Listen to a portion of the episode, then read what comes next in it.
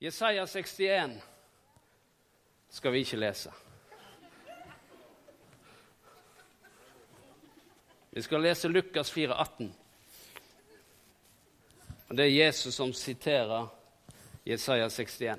Men i 2007 så opplevde jeg, når vi forberedte året 2007, så opplevde jeg at Gud på en måte talte om Jesaja 61 til oss som menighet. Og eh, siden den gang har jeg stadig vendt tilbake til Jesaja 61. Og i dag så har jeg lyst til å ta det som utgangspunkt, men da slik som Jesus sa det. Og eh, jeg kan lese det som står på veggen her. Herrens ånd er over meg, for han har salvet meg til å forkynne et godt budskap for de fattige. Han har sendt meg for å rope ut at fanger skal få frihet, og blinde få syn igjen, og for å sette undertrykte fri. Og så 19. Å rope ut et nådens år ifra Herren. Punktum. Hvis du leser i Jesaja 61, så står det noe mer der. Men Jesus han stoppet der. I Isaiah 61 så står det og en vredens dag ifra Gud. står det der. Men det tok ikke Jesus med, så da tar ikke vi det med heller. Fordi at det står at straffen rammet ham for at vi skulle få fred. Så han eh, tok denne vreden på seg som skulle ramme oss, sånn at vi skulle gå fri. Men derfor så stoppet han der, for han sier 'rop ut et nådens år for Herren'. Og dette her, det var Jesus sin eh, proklamasjon for sin tjeneste og sitt liv. Og det tror jeg er det som òg gjelder oss som enighet. At Herrens ånd er over oss. Han har salvet oss til å forkynne et gledens budskap for de fattige. Godt budskap. Han har sendt oss for å rope ut frihet for fanger. Og blinde Det står litt forskjellig i den som jeg har. Blinde skal få syn igjen og sette undertrykte fri og rope ut et nådens år ifra Herren.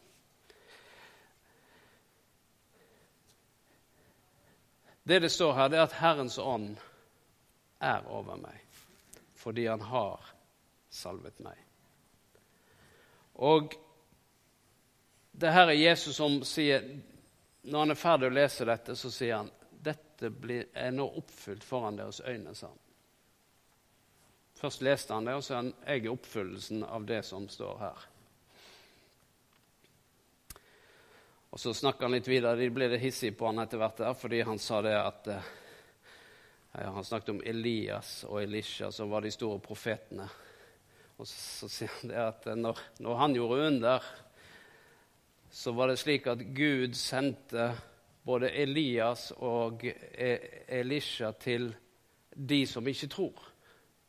Han sendte de ikke til jødene, han sendte de til hedningene, som det ble sagt den gangen. Det var jøder og hedninger. Det var hedninger, det er sånn som oss, alle som ikke er jøder.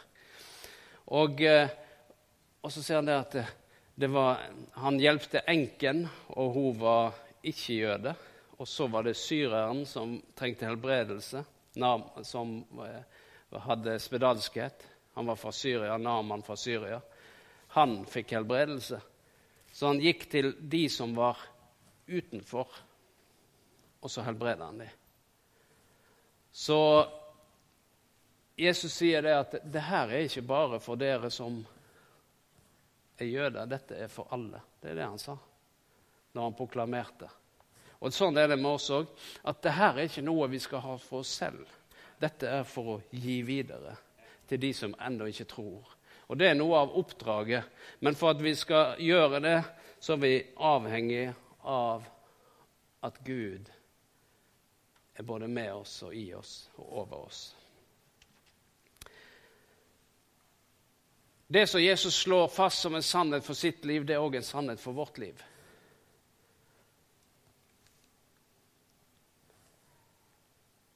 Fordi Herrens ånd er over meg. Hva, hva skjedde? Vi har tatt imot Jesus Kristus, vi som er her. Og han flytta inn med alt det han er, og alt det han har. Så hvis Den hellige ånd er over Jesus, så er han over deg òg. Du vet, Mange ganger så lever vi slik at vi tenker at ting skal skje en gang i framtiden. Og så tenker vi ja, da skal det skje. I 2019 skal det skje. I 2020 skal det skje. I 2015 skulle det skjedd.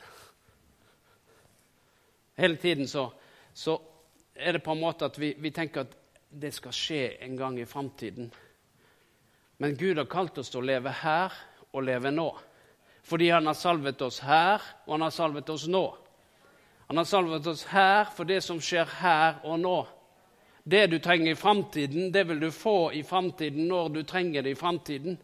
Men hvis vi tenker at det hele tiden skal skje der framme, så lever vi ikke med forventning her og nå. Da forventer vi at en dag skal det skje. Men det Jesus sier, det er at Herrens ånd er over meg allerede. Han har salvet meg. Hva betyr det at han har gjort det? Det betyr at du allerede har det. At du allerede er det. Det er ikke noe du skal bli, men det er noe du er. Du er utrustet til det som står her. Du er salvet til det som står her.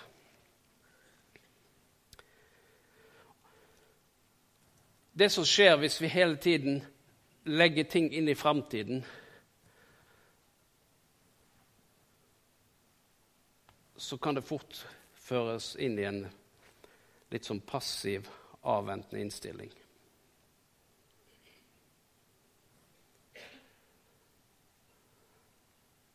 Og i denne avventende innstillingen så kommer vi inn i en sånn kanskje litt sånn ventesituasjon hvor vi tenker at ja, hvis Gud vil, og hvis Gud det er Guds tid.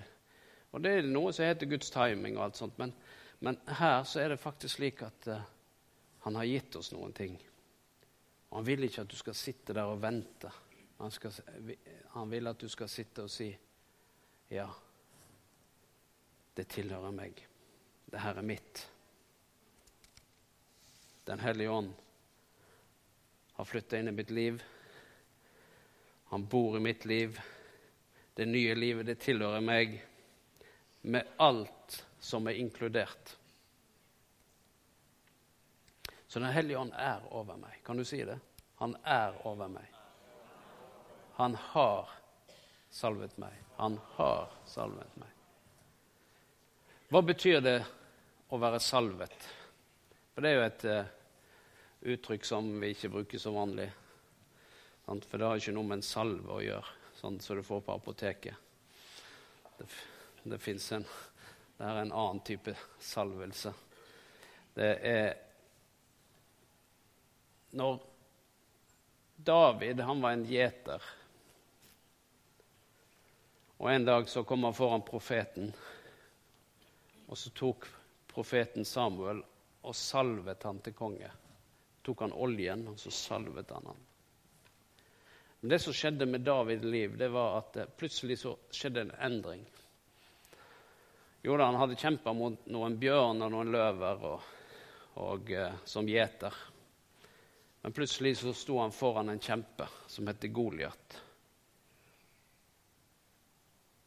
Og det var en helt annen kamp å stå foran Goliat enn å stå foran en bjørn og en løve for å beskytte eh, fårene sine. Plutselig så satte Gud han der, men han var ikke innsatt som konge. Det var fremdeles en annen som var konge, som het Saul.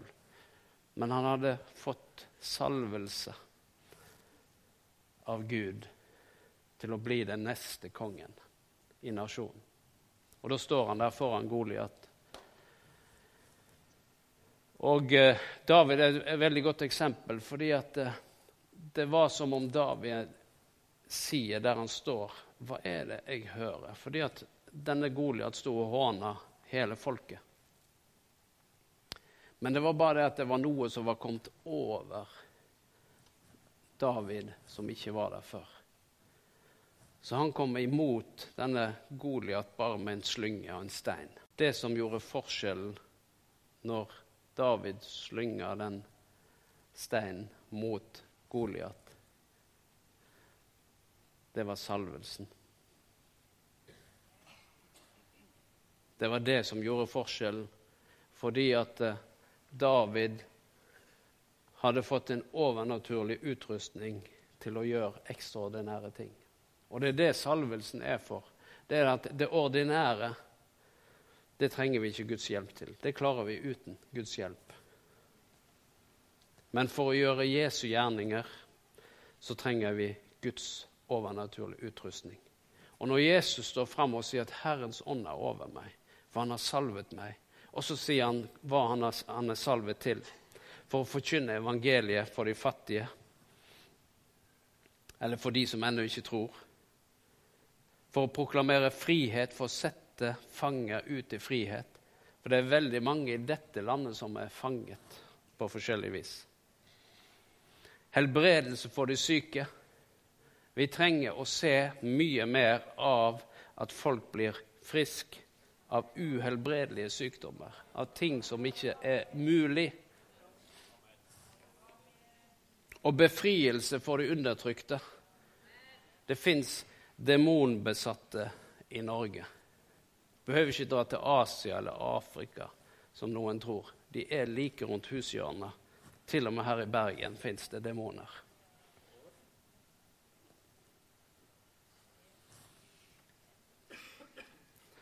Andre plasser så sender de det ut i skogen, men i Norge, Norge så doper de de samme personene ned altfor mye.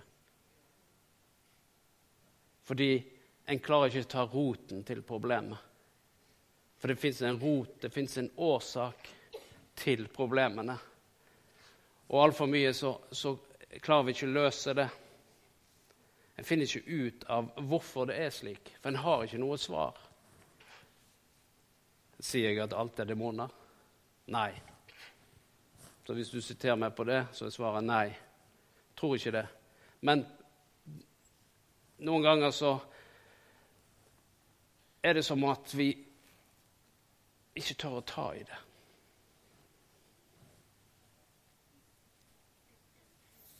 Da kommer det som overskrift på Dagbladet med en gang. 'Drev ut demoner'.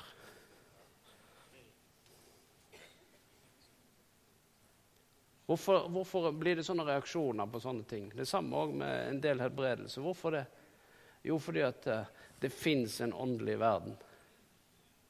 Og den åndelige verden så trenger vi overnaturlig utrustning for å gjøre en forskjell. Vi klarer det ikke med vår egen kraft. Intellektualisme kommer aldri til å endre dette landet. Og jeg har lest nå de siste, de siste ukene nå, så jeg har gått igjennom alle Jesus sine gjerninger. Så ser vi det at Jesus gjorde mye mer enn å bare forkynne bergpreken.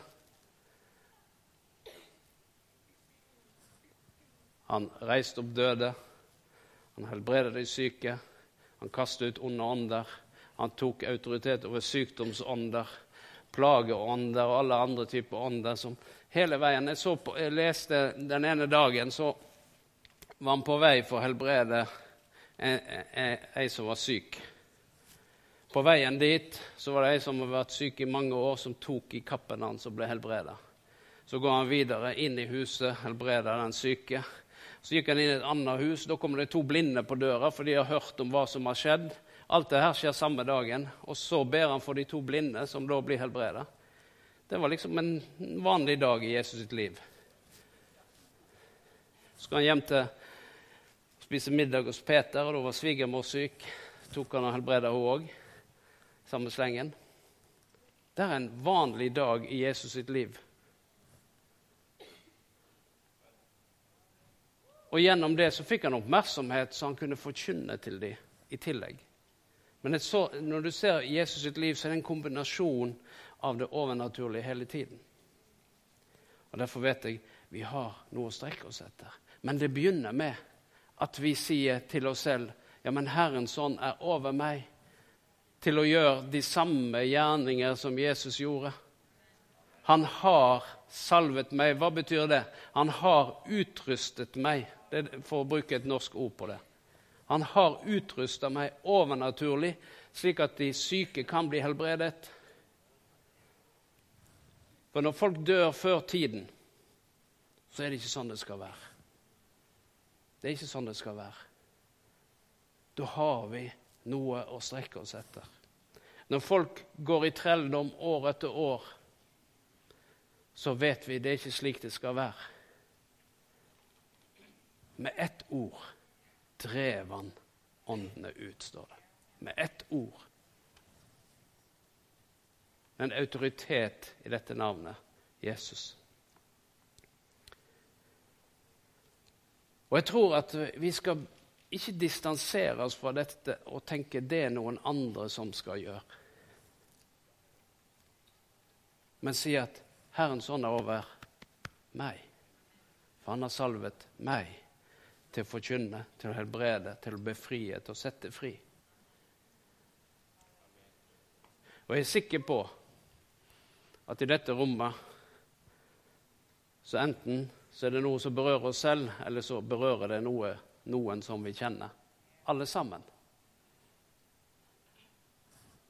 Så vi trenger ikke gå så langt for å ha noen å legge hendene på. Noen ganger så trenger vi ikke engang gå over dørstokken, for det fins i huset. Men noen ganger så er det andre som vi møter på. Og det her tror jeg er noe av det som vi skal se skal øke på i dette året som vi går inn i. Det at vi skal se mer frelse, mer helbredelse, mer befrielse. Det er noe som skal øke på fordi vi trenger det. Skal vi gjøre et forskjell i, i denne byen, i denne nasjonen, så trenger vi å se at dette øker på. Vi kan ikke slå oss til ro med å tenke at ja, vi får se hva som skjer, kanskje en gang i framtiden. Nei, her og nå vil vi se at det skal begynne å skje, at det skal begynne å bevege seg. Og du trenger ikke vente på noen andre. Fordi at Herrens ånd er over deg. Han har salvet deg til å gjøre de samme gjerningene som Jesus gjorde. Jesus sa det at dere skal gjøre de samme gjerninger som jeg, sa han. I Johannes 14, 12 og 13. Skal gjøre de samme gjerninger som meg. Skal gjøre større gjerninger enn de, sier han. Men eh, vi bør ikke begynne med de større. Det er noen de hopper over de eh, samme gjerningene fordi de skal gå for de større. Men det blir aldri noe av de større, fordi de gjorde ikke de vanlige ting. Men når Jesus sier at dere skal gjøre de samme gjerningene som meg. Så tenker jeg, Han må jo mene det han sa. Det var ikke bare for å være hyggelig han sa det, og så bare for å oppmuntre litt ekstra. jeg skal gjøre større ting enn det. Han mente jo det han sa. At vi skal gjøre de samme gjerninger. Så vi behøver, ikke, vi behøver ikke gå for de større før vi har gått for de samme. Så vi kan jo begrense oss til de samme. Så tror jeg vi har nok å gjøre. Jeg vet ikke hva de større er for noe. Det større det må det være at det er vi som gjør det. At det er vi som legger hendene på de syke. For Først så var de tilskuere på og så at Jesus gjorde det. Plutselig så sier han du kan gjøre det samme.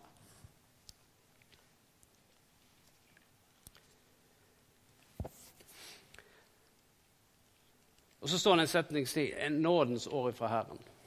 Hvert år fra Jesus er et nådens år fra Herren. 2019 er et nådens år fra Herren. Og eh, et nådens år fra Herren det, det kan oversettes òg at eh, når frelse og favør florerer stort. Og det er det vi skal se, det at frelse og favør skal florere stort i Kredokirken og ut fra Kredokirken dette året og videre framover. Jeg tror at i Guds rike så er det normalt at ting øker på. Vi har gjort det til normalt at ting går over. Men det er ikke normalt i Guds rike at ting går over. Nei, det normale er at ting øker på. Og Derfor så snakker vi om en ny normal i 2019. Det er at ting kommer ikke til å minke, det kommer til å øke. Så det vi har berørt og vært borti før, det skal ikke forsvinne. Nei, det skal øke. Det skal doble seg. Og det skal ikke bare øke litt, det skal øke mye. Det er det som vi opplever Herren snakker om. Og det kommer til å øke over ditt liv. Det kommer til å øke over menigheten. Så, og Spørsmålet er hvordan kommer det til å øke. Er det bare sånn at det bare øker sånn plutselig? Nei, Det er fordi at når vi søker Guds rike først, så skjer det noe med oss. Det betyr kanskje at vi må gjøre noen omprioriteringer for at ting skal øke på.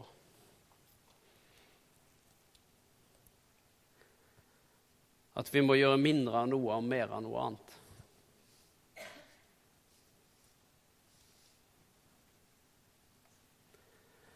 Guds rikes prinsipp er at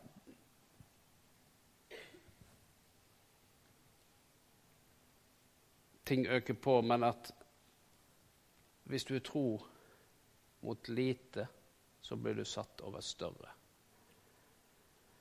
Hva betyr det? Det betyr at vi skal ikke se smått på det som er lite. Fordi det som er lite, kommer til å øke. Og det øker til mer, så øker det til mye, og så øker det til stort. Det står at er du satt over lite, så skal du satt over større ting. Det handler om at ting skal øke på. Her For to dager siden så fikk jeg en uh, melding fra en som heter Atle Undesdal, som er her i byen. Han sa til meg det at jeg har i flere uker båret et ord for Kredukirken som kommer opp i mitt hjerte da jeg var i bønnen for dere. Det er jo fint. Vi har brødre i byen her som ber for oss. Så sa han jeg måtte prøve det. Men det var ikke så vanskelig å prøve. Det står at 'jeg vil øke den kollektive salvelsen over menigheten'. Det var det ordet han hadde fått til oss fra Herren. At han vil øke den kollektive salvelsen. Hvordan øke den kollektive salvelsen? Jo, den øker ved at hver enkelt en av oss sier at 'jeg kommer til å søke Guds rike først dette året'. For når hver enkelt sier det, så øker det over ditt liv. Og når det øker over ditt liv, så kommer det til å øke over oss alle sammen. Og jeg har sett en trend gjennom det året vi har gått igjennom. Det er det som er så fint å stå her oppe søndag til søndag det er at du kan følge med en utvikling. Og jeg har sett en utvikling dette året. Det har gått framover. Du har tatt nye steg. Det har vært en bevegelse i flokken dette året. Menigheten har beveget seg framover. Det er noe som har lagt som en, eh, et fundament til å bygge videre på. Og Derfor vet jeg at det kommer til å øke videre dette året. For det som er påbegynt, ikke bare i, i, i, fjor, men i tidene som har gått, det kommer til å øke på. Og det kommer til å bli mer av det som er bra.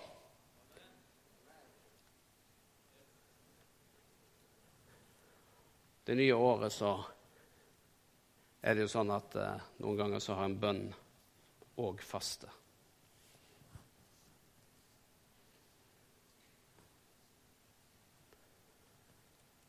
Hvordan kan vi faste? Ja, det kan være at du kan faste ved å legge noe bort for en periode. Noe som er din vane. Noe som er en del av ditt mønster. For det å spise det er en del av vårt mønster. Men noen ganger så legger vi bort dette mønsteret, og så tar vi inn noe annet. Vi tar inn fra Gud. Og eh,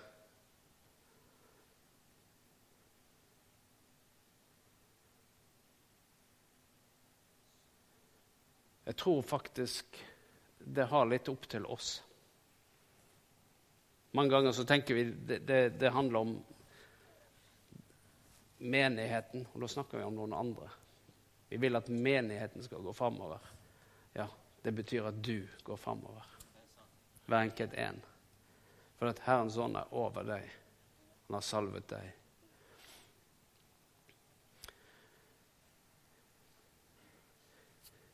Og jeg tror at òg vi skal se det over lovsangen dette året. Det kom til meg mens jeg sto her nede. Men det kom ikke av seg sjøl. Jeg tror dere må inn i faste, lovsangere som er her. Musikere òg. Dere må inn i faste. Ikke fra mat, men musikkfaste. Det var det som kom til meg. Dere må faste i 40 dager. Jeg sier ikke at dere må det. Det var bare et tall. Men det fast i 40 dager. Men altså, det er noe som skjer når vi faster. Og eh, hva er det en skal faste fra?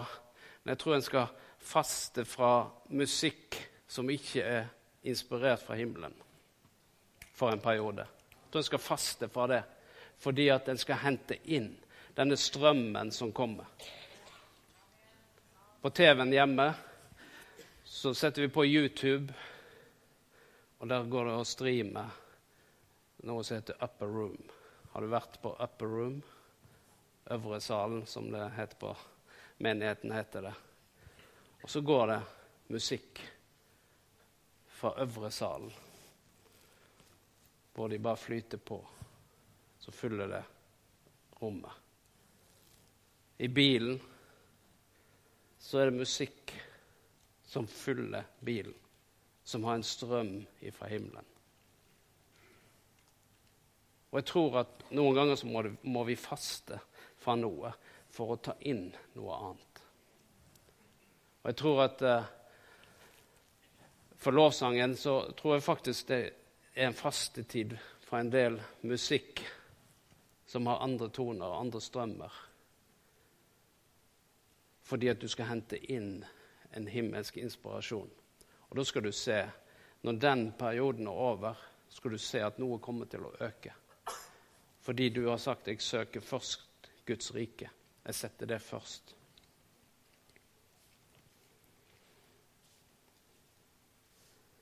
For jeg tror at Gud har kalt oss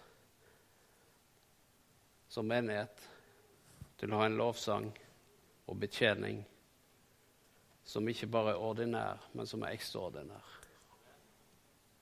Og med en gang det er noe som et kall, så er det slik Det jeg snakker om nå, det, det er noe helt utenfor blokken. Bare sånn du vet det. Jeg bare prater fritt.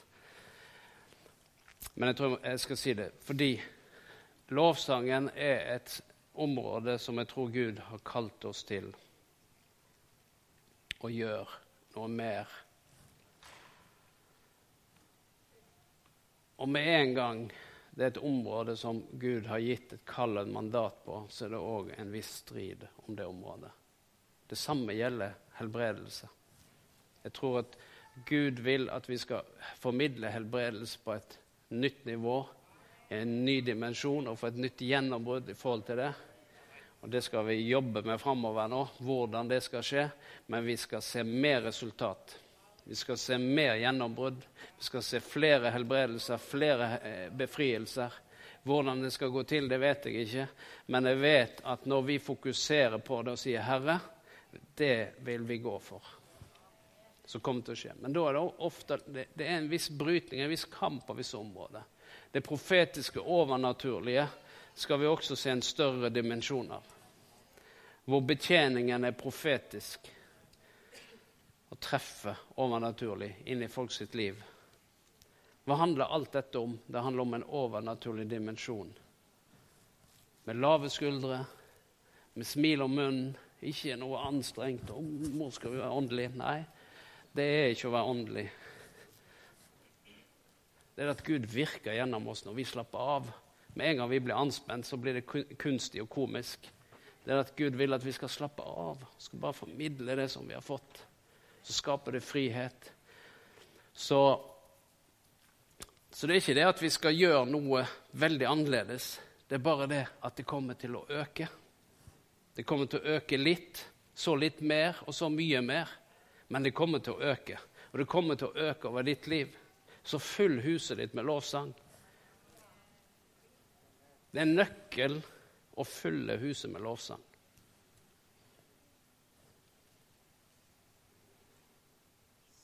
Jeg tror ikke jeg hadde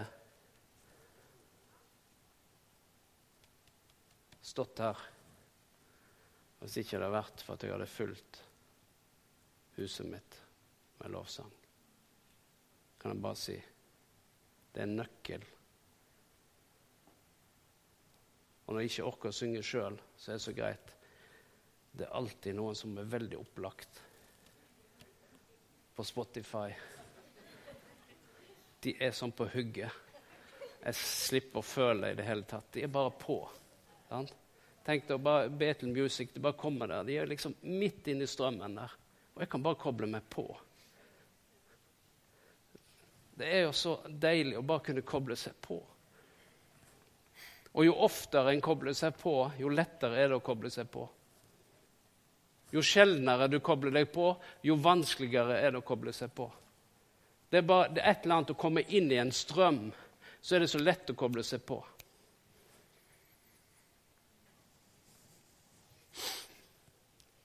Respons.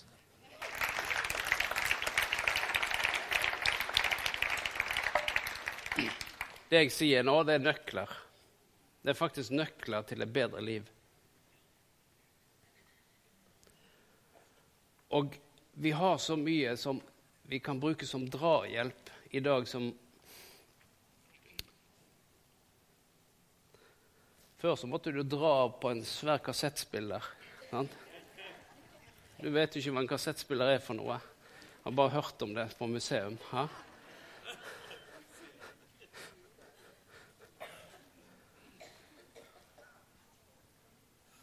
Men det er noen nøkler. Det som du gjør ofte, blir lettere å koble på. Det som vi gjør sjelden. Og hvis noe vi gjør, ikke virker, da må ikke vi fortsette å gjøre det vi gjør. Da må vi endre på noen ting. Hvis ikke vi er fornøyd med resultatet av det vi gjør, da kan ikke vi gjenta det vi gjør. For da vil vi jo få det samme resultatet. Det er jo helt logisk. Men altfor ofte så fortsetter vi med det vi gjør, selv om vi ikke ser resultatet av det vi gjør. Og så lurer vi på hvorfor skjer det ingenting. Nei, men det er fordi vi fortsetter å gjøre det samme som vi har gjort. Det er veldig enkel undervisning her i dag.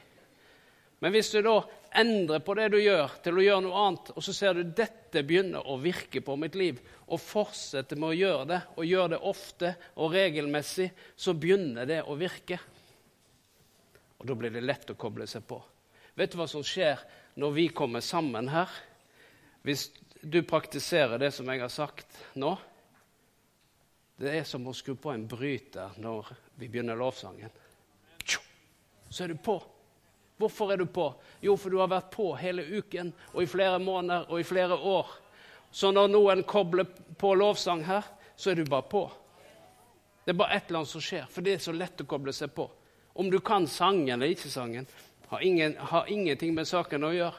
For det å koble seg på har ikke noe med å kunne sangen å gjøre. Det har noe med å, Den hellige ånd å gjøre. Og så blir det enklere og lettere når vi kan sangen. Er ikke det? Men vi må av med alle unnskyldninger, bort med alle unnskyldninger for at ting ikke er som det burde ha vært. Få det bort, kast det i havet. Tal til fjellet. Flytt deg fordi du er på vei framover.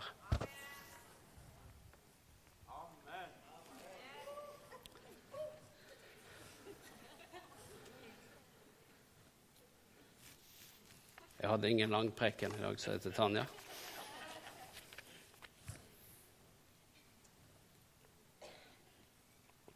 Men når vi var oppe på eh, og ba før møtet her, så Mats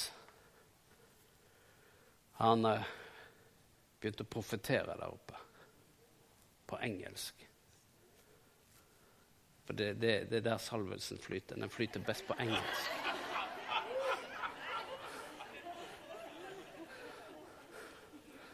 Det er liksom å komme inn i et annet spor. Men så sier jeg det der var til menigheten. Det der var til oss som menighet. Så nå skal han dele bare hjertet sitt, ikke på engelsk, men på svorsk. Han er, han er litt svensk. Norsk statsborger, er ikke du blitt det? Det er lenge siden, ja. Han har konventert, så han er norsk nå. Han har vært svensk, så derfor kan du komme fram her.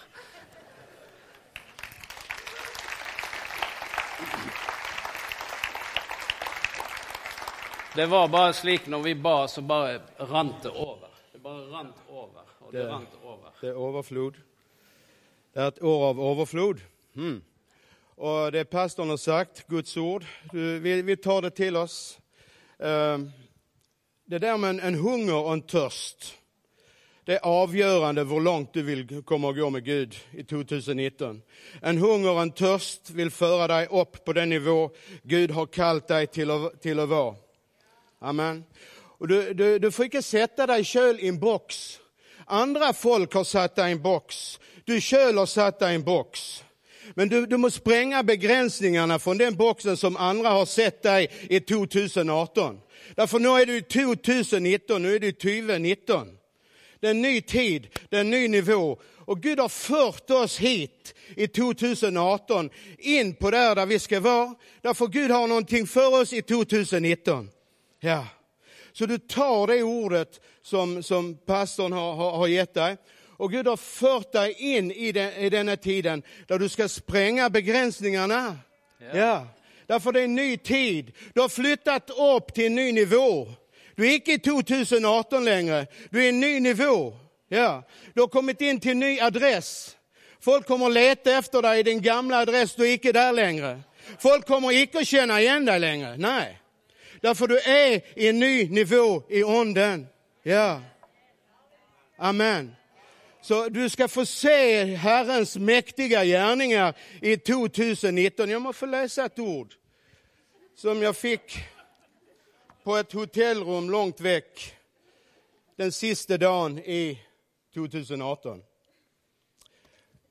Uh, Nå må jeg få lese på engelsk. For der står det Clear the way for the Lord in the wilderness. Det har vi gjort. Vi har, vi har bedt, vi har stått på. Vi har ført uh, Gjennom Guds nåde har vi blivit ført fram til den nivå der vi er i dag. Derfor Gud vil føre inn det som du kommer få se i, i, i 2019. Og så står det her Lift up your voice with strength. Lift, lift up. Do not fear. Vær frimodig og vet at Herren har noe spesielt for deg i 2019. Det du har tenkt, det du har drømt om, det du har lengtet etter forrige året, du kommer å få se det dette året. Amen. Du må ta det ord som er talt. Du må ta det i ånden, du må be det ut, og du kommer å få se det. Ja. Så vi clear the way. Vi er, vi er frimodige. Og så står det Listen carefully, the Lord God will come with might, and his arm will rule for him. Most certainly his reward is with him. Sannoligen Herrens um, reward, Belønning. belønning, er med han. Amen. Kommer å lønne deg. Derfor vi er her for å ødelegge djev- djevelens gjerninger. Herren har salvet deg til å gå ut og gjøre under og tegn. Herren har salvet deg som Jesus var salvet i apostelgjerningene 10.38. Er du salvet til å ødelegge djevelens gjerninger? Derfor Gud er med deg. Ja. Amen. Amen. Amen. Yes. Det tar vi.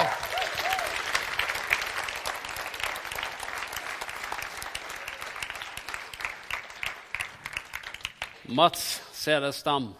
Det er så bra. Jeg husker for mange mange år siden da snakket han om villoksalvelsen. Smørgjelsen, husker jeg. Så han har bare levd i dette i, så lenge jeg har kjent Mats. Så, og, og, eh, og det er noe med at Gud vil bare sprenge disse, eh, disse veggene som vi har stått, disse boksene, disse begrensningene. Det er det at Vi vil ha en åpen himmel, men vi vil ikke ha noen begrensninger med vegger.